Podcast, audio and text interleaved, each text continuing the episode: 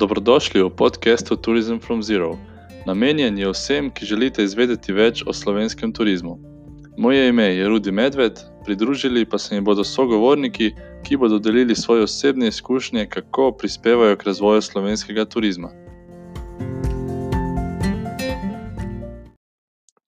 Glavna tema naše 15. epizode je bila trajnostni turizem. Naša gostja je bila dr. Tanja Mihalič, profesorica na Ekonomski fakulteti v Ljubljani, ki je strokovnjakinja za trajnostne prakse. Trajnostni turizem je veliko bolj zapleten, kot se na prvi pogled morda zdi. Skozi najin pogovor boste izvedeli, kako kot družba razumemo trajnost in kako širok ta pojem v resnici je.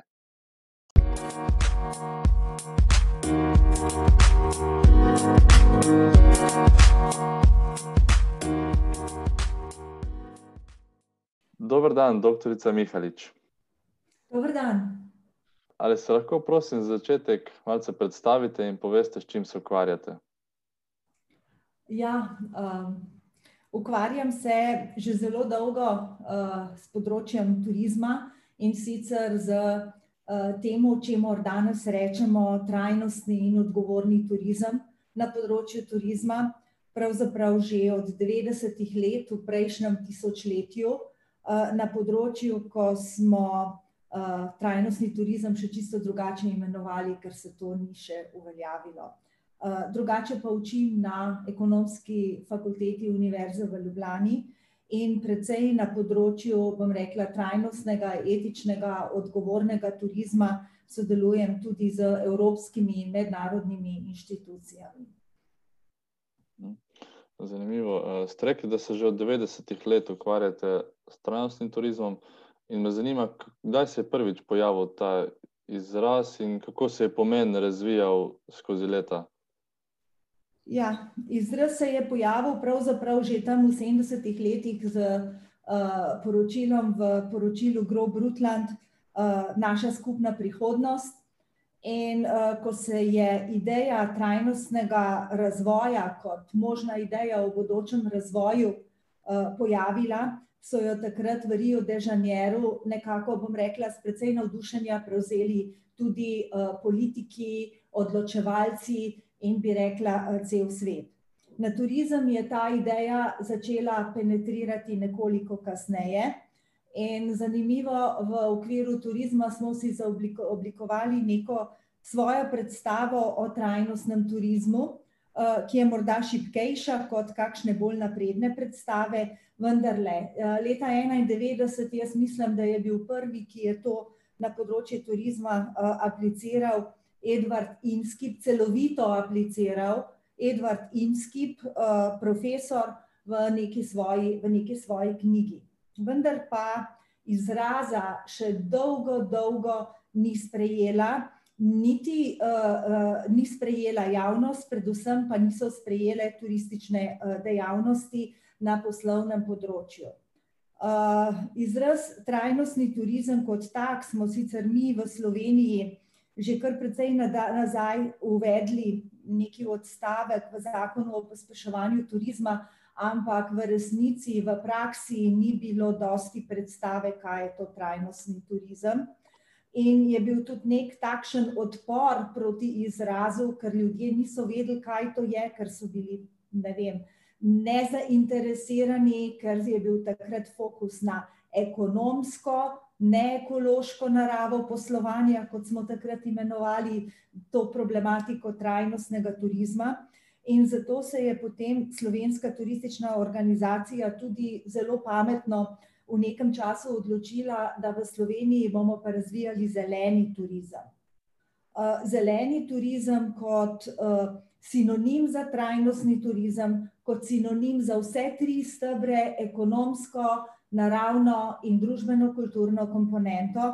In, glejte, izraz zeleni turizem se je zelo, zelo hitro prijel v Sloveniji, čeprav smo morda skupaj na začetku razmišljali, da zeleni turizem pomeni zeleno Slovenijo, zelene reke, zelene travnike, zelene gozdove, se pravi kvaliteto okolja. In šele počasneje smo potem se začeli zavedati, da gre v resnici za trajnostni management, tudi se pravi za napore in za aktivnosti, da bom dala en primer, zmanjšujemo CO2 emisije recimo v odnosu do naravnega, do naravnega okolja.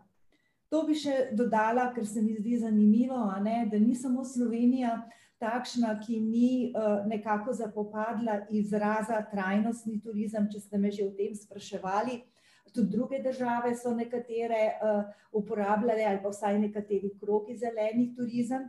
Zanimiva je pa zgodba iz sedemdesetih let, ko je trajnostni razvoj postal popularen, sem rekla, tudi med politiki, med odločevalci, med vladami, in se je potem neki gospod John Elkington odločil, da bo to zadevo poslovno izkoristil in je ustanovil podjetje, ki ga je poimenoval Sustainability, to se je zgodilo v Londonu, z idejo, da bo korporacijam prodajal to idejo o treh stebrih trajnosti, zato da bodo izboljšale svoje poslovanje, pravičnost, priložnosti, odnos do naravnega okolja, odnos do družbe, odnos do kulture in tako dalje.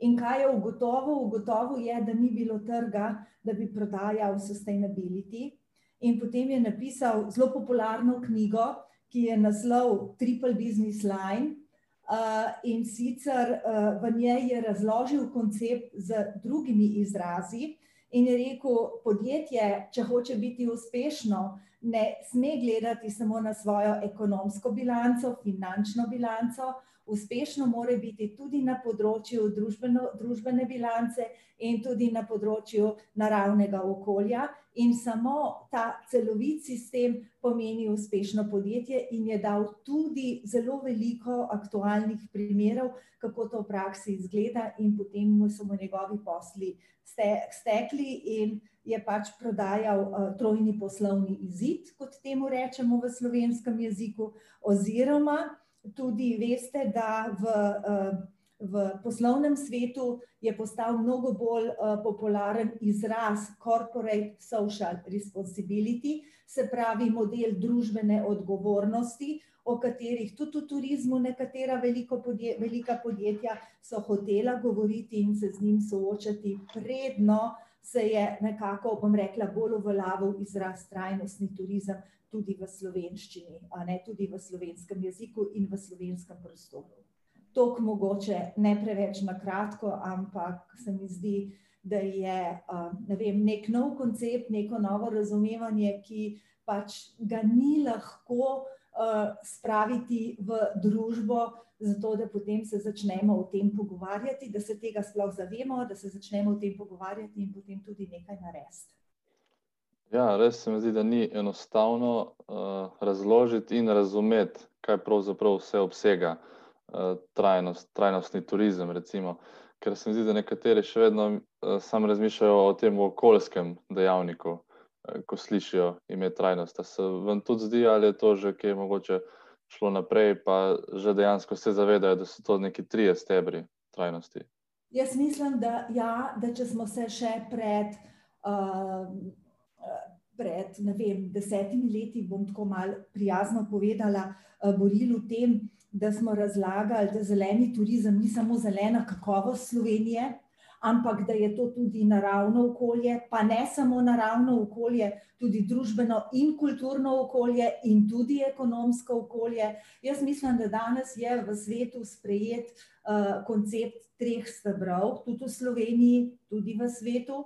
Svetovna turistična organizacija je naredila eno študijo, v kateri je analizirala sto strategij držav, turističnih strategij, in je ugotovila, da praktično vse države, vse, imajo strategijo trajnostnega razvoja turizma.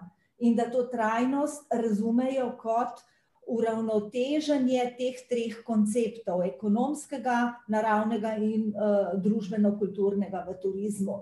Se pravi, da to zavedanje je, je precej, da se za to ne borimo več, vendarle pa se je zgodilo nekaj, zgodilo se je to, da ugotavljamo, da je in tudi zelo veliko se kritizira v v v študijah, da je pogled na trajnostni turizem samo kot uravnoteženje teh treh stebrov hudo, hudo prevozek. Zaradi tega, ker zanemarja v resnici nekatere elemente Brutland ideje o trajnostnem razvoju turizma. Jaz sem na začetku povedala, kako je to šlo na področje turizma, da imamo nekoliko bolj šibko razumevanje, razumevanje tega trajnostnega turizma, kot je originalno to šlo iz tega poročila.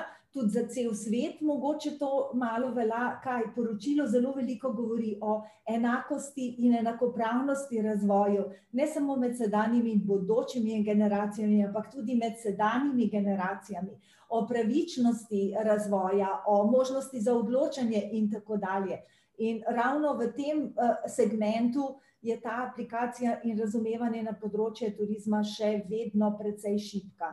Ne gre samo za uravnoteženje vplivov turizma v okviru teh treh stebrov, gre tudi za pravico lokalnih prebivalcev do pravične uporabe resursov v kraju, do njihove pravice, da jim turizem v kraju, ki se razvija, prinaša kakovosti življenja, ne odnaša, hkrati pa tudi, a ne, kar je pa zdajle zelo diskutirano v okviru neokapitalističnega liberalnega sistema, priložnosti za biznis, pa seveda zadovoljstvo za obiskovalce. Kako to v resnici balansirati? Ne gre samo za vplive turizma, a ne, saj je enostavno reči, dajte mi povedati, profesor Mihalič, katero je tisto število, ki loči masovni turizem od nemasovnega oziroma rečeva škodljivi turizem od neškodljivega, ne.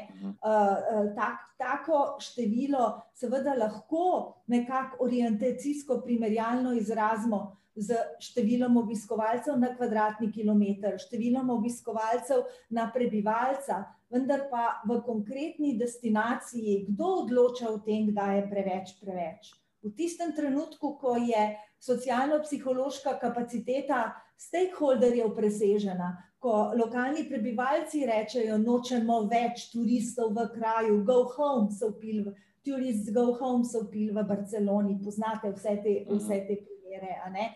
V trenutku, ko obiskovalci rečejo: "Kraj je pa tako prenatrpan in ekološka škoda tako je degradiran, da tja ne bomo več šli." Hkrati pa moramo se zavedati tudi, da je z lokalnimi prebivalci povezana komponenta priložnost za poslovno dejavnost, ne, priložnost za biznis, če lahko temu tako rečem. In je no go netrajnostni turizem takrat, ko se vse to skupaj sestavi. Zaradi tega je samo balansiranje vplivov na te tri stebre danes gledano preozko. Naj opozorim, da Združeni narodi paradigmo trajnostnega razvoja, ki jo imajo, isto govorijo, da gre za prihodnost, da gre za tri stebre, ampak z vidika kakovosti življenja oziroma blagostanja v najširšem smislu.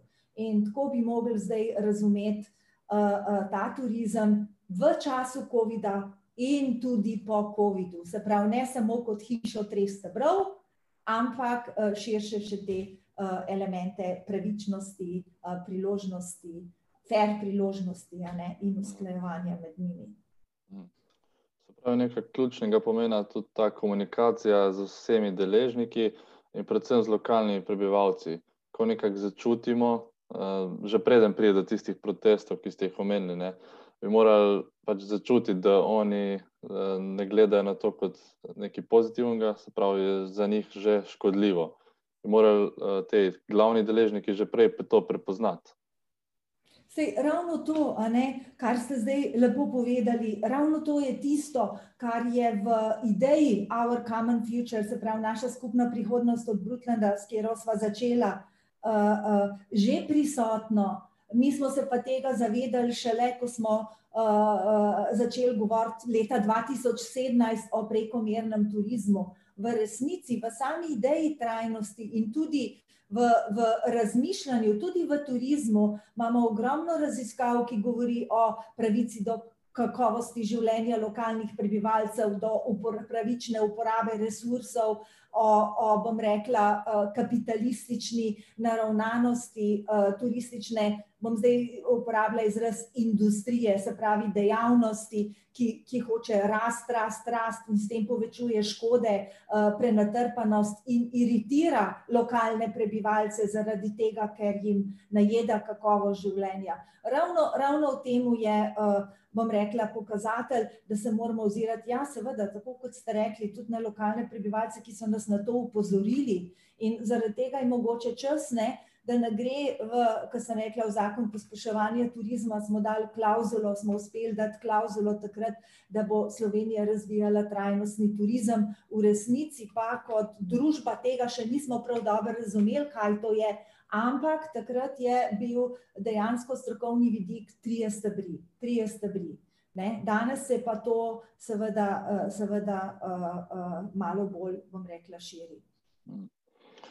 Kako pa lahko dejansko merimo, če je naše podjetje trajnostno oziroma destinacija, če je trajnostna ali odgovorna, a obstajajo že kake možnosti meritev tega? Hudo vprašanje ste postavili, zelo hudo vprašanje, ja, zelo veliko je meritev, zelo veliko je meritev, lahko so to nagrade, lahko so to priznanja, Slovenija jih ima zelo zelo veliko, lahko je to zelena shema slovenskega turizma, ki jo mi imamo v Sloveniji in jo, moram reči, cel svet gleda, kako smo to naredili na osnovi mednarodnih standardov, in, ja, ampak vse te sheme, nagrade in to, bom rekla, nekako, podpirajo, politiko in priznavajo naše razumevanje, da pa, to je pa zdaj po mojem mnenju in je malo kritično, vam jaz na vprašanje, zakaj so slovenski turistični proizvodi do okolja prijazni, zelo težko odgovorim z nekim standardom, ne.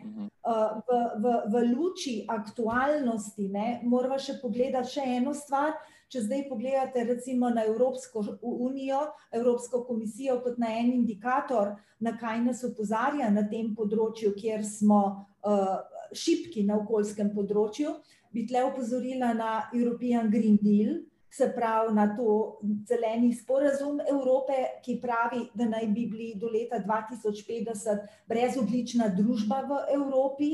Pa vas vprašam nazaj, za koliko slovenskih proizvodov, turističnih mi poznamo, ogljični odtis, ne, da bi dokazali, ja, so prijazni do okolja ali pa do, ne vem, katerega drugega koli elementa, elementa trajnosti. to je, to po mojem mnenju, to sodi v enega izmed, vidikov, kako moramo razširiti to našo tristebrno hišo trajnosti, v kateri živimo. Poleg tistega, kar sva govorila o lokalnih prebivalcih, o rabi virov, o pravičnosti, no, pa še to bi dodala, ni pa lahko, zaradi tega, ker nekateri lokalni prebivalci so lahko zelo zelo zainteresirani, ekonomsko odvisni od razvoja turizma, in potem oni se kasneje, bom zdaj rekla, znervirajo zaradi prisotnosti v turizma, ne, če ste rekli, moramo zaznati njihovo nezadovoljstvo že pravočasno, ne. Je zelo zelo zelo segmentirano in to ni, je multidimenzionalno in to ni, ni, ni enostavno. Ja, se strinjam, sigurno ni enostavno. v katerem od teh treh stebrov trajnostnega razvoja bi rekli, da smo v Sloveniji najuspešnejši in pri katerem najmanj? mi smo tam okoli leta dva tisoč deset, enajst, dvanajst delali v Sloveniji en tak barometer, v katerem smo gledali te tri stebre, v katerem stebru smo najbolj. takole vam bom rekla, takrat smo ugotovili, vam bom rekla, da imajo vse, vse, vsa podjetja, ki smo jih anketirali, so imela, strategijo na ekonomskem področju. Bistveno manj jih je pa imelo strategijo na okoljskem področju ali pa na družbeno-kulturnem področju v vseh treh stebrih. Pa vendarle ne moreva reči, da smo na ekonomskem področju najboljši, zaradi tega, ker, veste, da imamo težave. Na ekonomskem področju. Ne samo zaradi COVID-a, ne že prej smo jih imeli. Mi smo bili, bom rekla, tako zelo poslovno uspešni, če zdaj gledava učinkovitost, profitabilnost, te čisto ekonomske kriterije. na okoljskem področju sva že omenila, da recimo bilance odtisa sploh ne delamo, in je potem tudi vprašanje, koliko smo res prijazni v tem okolju. Na družbeno-kulturnem področju, predvsem na družbenem področju, smo takrat ugotovili, da podjetja niso prav slaba, ker imajo neko tradicijo vendarle odnosa do delavcev, a ne, in je to dvignilo, kje smo uspešni. vendar pa, vsekakor na vsakem izmed področij trajnosti lahko še izboljšujemo svoje rezultate. Obstaja še veliko potenciala pri vseh treh vidikih, lahko rečemo. Absolutno, to smo ugotovili, to so zdaj na te študije, še veliko prostora, na vseh treh, področjih. super. zdaj me pa zanima še vaša konkretna ideja, kako zagnati turizem iz nič po covidu. jaz sem omenjala zeleni plan Evrope, nisem pa omenila, da ima Evropska unija tudi en drug dokument, ki je, ne vem, Young generation oziroma, recovery plan. se pravi plan obnove za Evropo, to so ta ogromna finančna sredstva, ki jih bo Evropa namenila zato, da bodo podjetja lahko okrevala, po covidu. ker tudi Slovenija seveda kot članica, noter sodeluje. Kako bomo turizem zagnali po covidu, računamo na, to, da bojo cepiva, ne, in da bo potem šlo naprej. Sta pa tukaj verjetno možna dva scenarija, in sicer en scenarij je, star poslovni model, kakor hitro je le mogoče, ki seveda veva, da prvič ni bil, zdaj vemo, da ni bil kompleten, da ni gledal vseh elementov, predvsem v smislu, bom zdaj rekla, prekomernega turizma, o katerem sva govorila, in je pred covidom bil velika tema, na področju tudi izboljšav na področju turizma, zdaj, ko je pa udaril covid in spravil turistično dejavnost res na kolena, pa nekako je v tem, bom rekla, v nekem smislu opažam, kar neprimerno govoriti, zato ker podjetja se res, res zelo zelo borijo na tem področju. Se pravi, ena možnost za naprej je, da bomo šli po stari poti, in sicer še bolj progresivno, podprto s temi, bom rekla, priložnostmi, ekonomskimi. druga možnost, o kateri mnogi govorijo, pa jaz nisem pristaš te, bom rekla, bolj orto variante, da je covid odličen čas za to, da se resetiramo in da začnemo čisto na novih osnovah. Jaz bi predlagala, da bi mogli iti naprej, da ekonomska obnova je vsekakor nujna, je vsekakor nujna. Ampak ne bi smela pa biti, potem ko bomo zaštartali na ceno, za ceno, bom rekla, te okoljske pa družbene komponente pa tudi vsega tega, kar sva še zraven naštela, to bi mogli, zbrati energijo, da bi tudi na tem področju delali. čisto v praksi, bom rekla, kar bi vsi razumeli, pa neradi slišali, je, da bi mogli malo razmisliti, a ne, do do kje hočemo, da se vrnemo v stari poslovni model. To sigurno velja za Barcelono, to sigurno velja za Amsterdam, to sigurno velja za Dubrovnik, to sigurno velja za Benetke, a ne, koliko to velja za Slovenijo, to, to še gledamo, ne, Slovenijo zdaj, jaz gledam malo drugače, gledam na to, da bi se v resnici mogli, dogovoriti, neki družbeni konsenzus, koliko turizma si smo, si mi sploh želimo, smo pa v primerjavi z drugimi državami, ki jih smatramo za konkurenčne, zelo zelo majhna turistična državica, pa ne zato, ker imamo dva milijona, dva milijona prebivalcev in toliko kvadratnih metrov, ampak tudi v relativnih kazalnikih na prebivalca na kvadratni kilometer. Se pravi, bi se morali nekako res naučiti od tega, kar je bilo prej, in na podlagi tega izdelati neko strategijo za naprej. Absolutno, jaz mislim, da Slovenija res je imela, ima zelo dobro zeleno politiko, zdaj je samo, zdaj je samo vprašanje, kako bomo dali še te nove dimenzije noter in šli naprej. In da ko gremo v čas po covidu, da ne bomo obnove delali na račun odpustkov, zdaj bom pa rekla, recimo v naravnem okolju. Jaz vidim že mnoge indice v svetu, da se to dogaja, da se podjetja pogajajo z vladami, da odstopajo od že začrtanih okoljskih strategij, s tem mislim na naravno okolje predvsem.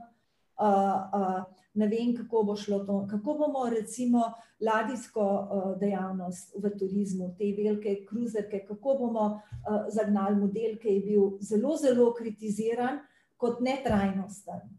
Zelo kritiziran na, na, na vseh, na vseh elementih kot netrajnosten. kako bomo zagnali letalsko industrijo, ki je, bom rekla, intenzivna z vidika COdva-emisij, čeprav jaz vidim, da letalska industrija, recimo zdaj Lufthansa objavlja offsetting, da bojo delali, da, da vendarle razmišljajo, razmišljajo v tej smeri. Evropska komisija tukaj zelo, zelo računa na smart tehnologije, da bojo nam pomagale, da bomo bolj okolju prijazni, ampak kako bomo vse to naredili in financirali, a ne, Evropska unija o tem, bom rekla, je razmišljala. Ja, to je zadnje vprašanje, ki ste jih postavili, so res, se mi zdi, na mestu in zelo dobri za razmisliti o njih, ja. In bojo tudi nakazali, kako bo res vse šlo naprej, se mi zdi. Super. Hvala vam za te vpoglede, za te uvide, za predstavo trajnostnega turizma oziroma trajnosti nasploh. verjamem, da se bo kdo še kaj več naučil o tem konceptu. In kako to spraviti v prakso. tako da super, najlepša hvala za pogovor, za vaš čas. In ja, želim vam veliko sreče še pri nadaljnjem raziskovanju trajnostnega turizma. Ja, jaz vam tudi želim veliko sreče, uspeha pri vašem tem raziskovanju, pri vašem projektu in hvala, ker ste me povabili. Hvala vam in lep dan še naprej. Lep dan še naprej. Hvala vsem, ki ste poslušali današnjo epizodo. Če vam je podcast všeč, ga prosim delite naprej na vaših družbenih omrežjih. Prav tako vas vabim, da se pridružite in sledite iniciativam Tourism from zero in Locals from zero, ki imajo pripravljeno ogromno zanimivih in koristnih vsebin s področja turizma. Se slišimo v naslednji epizodi.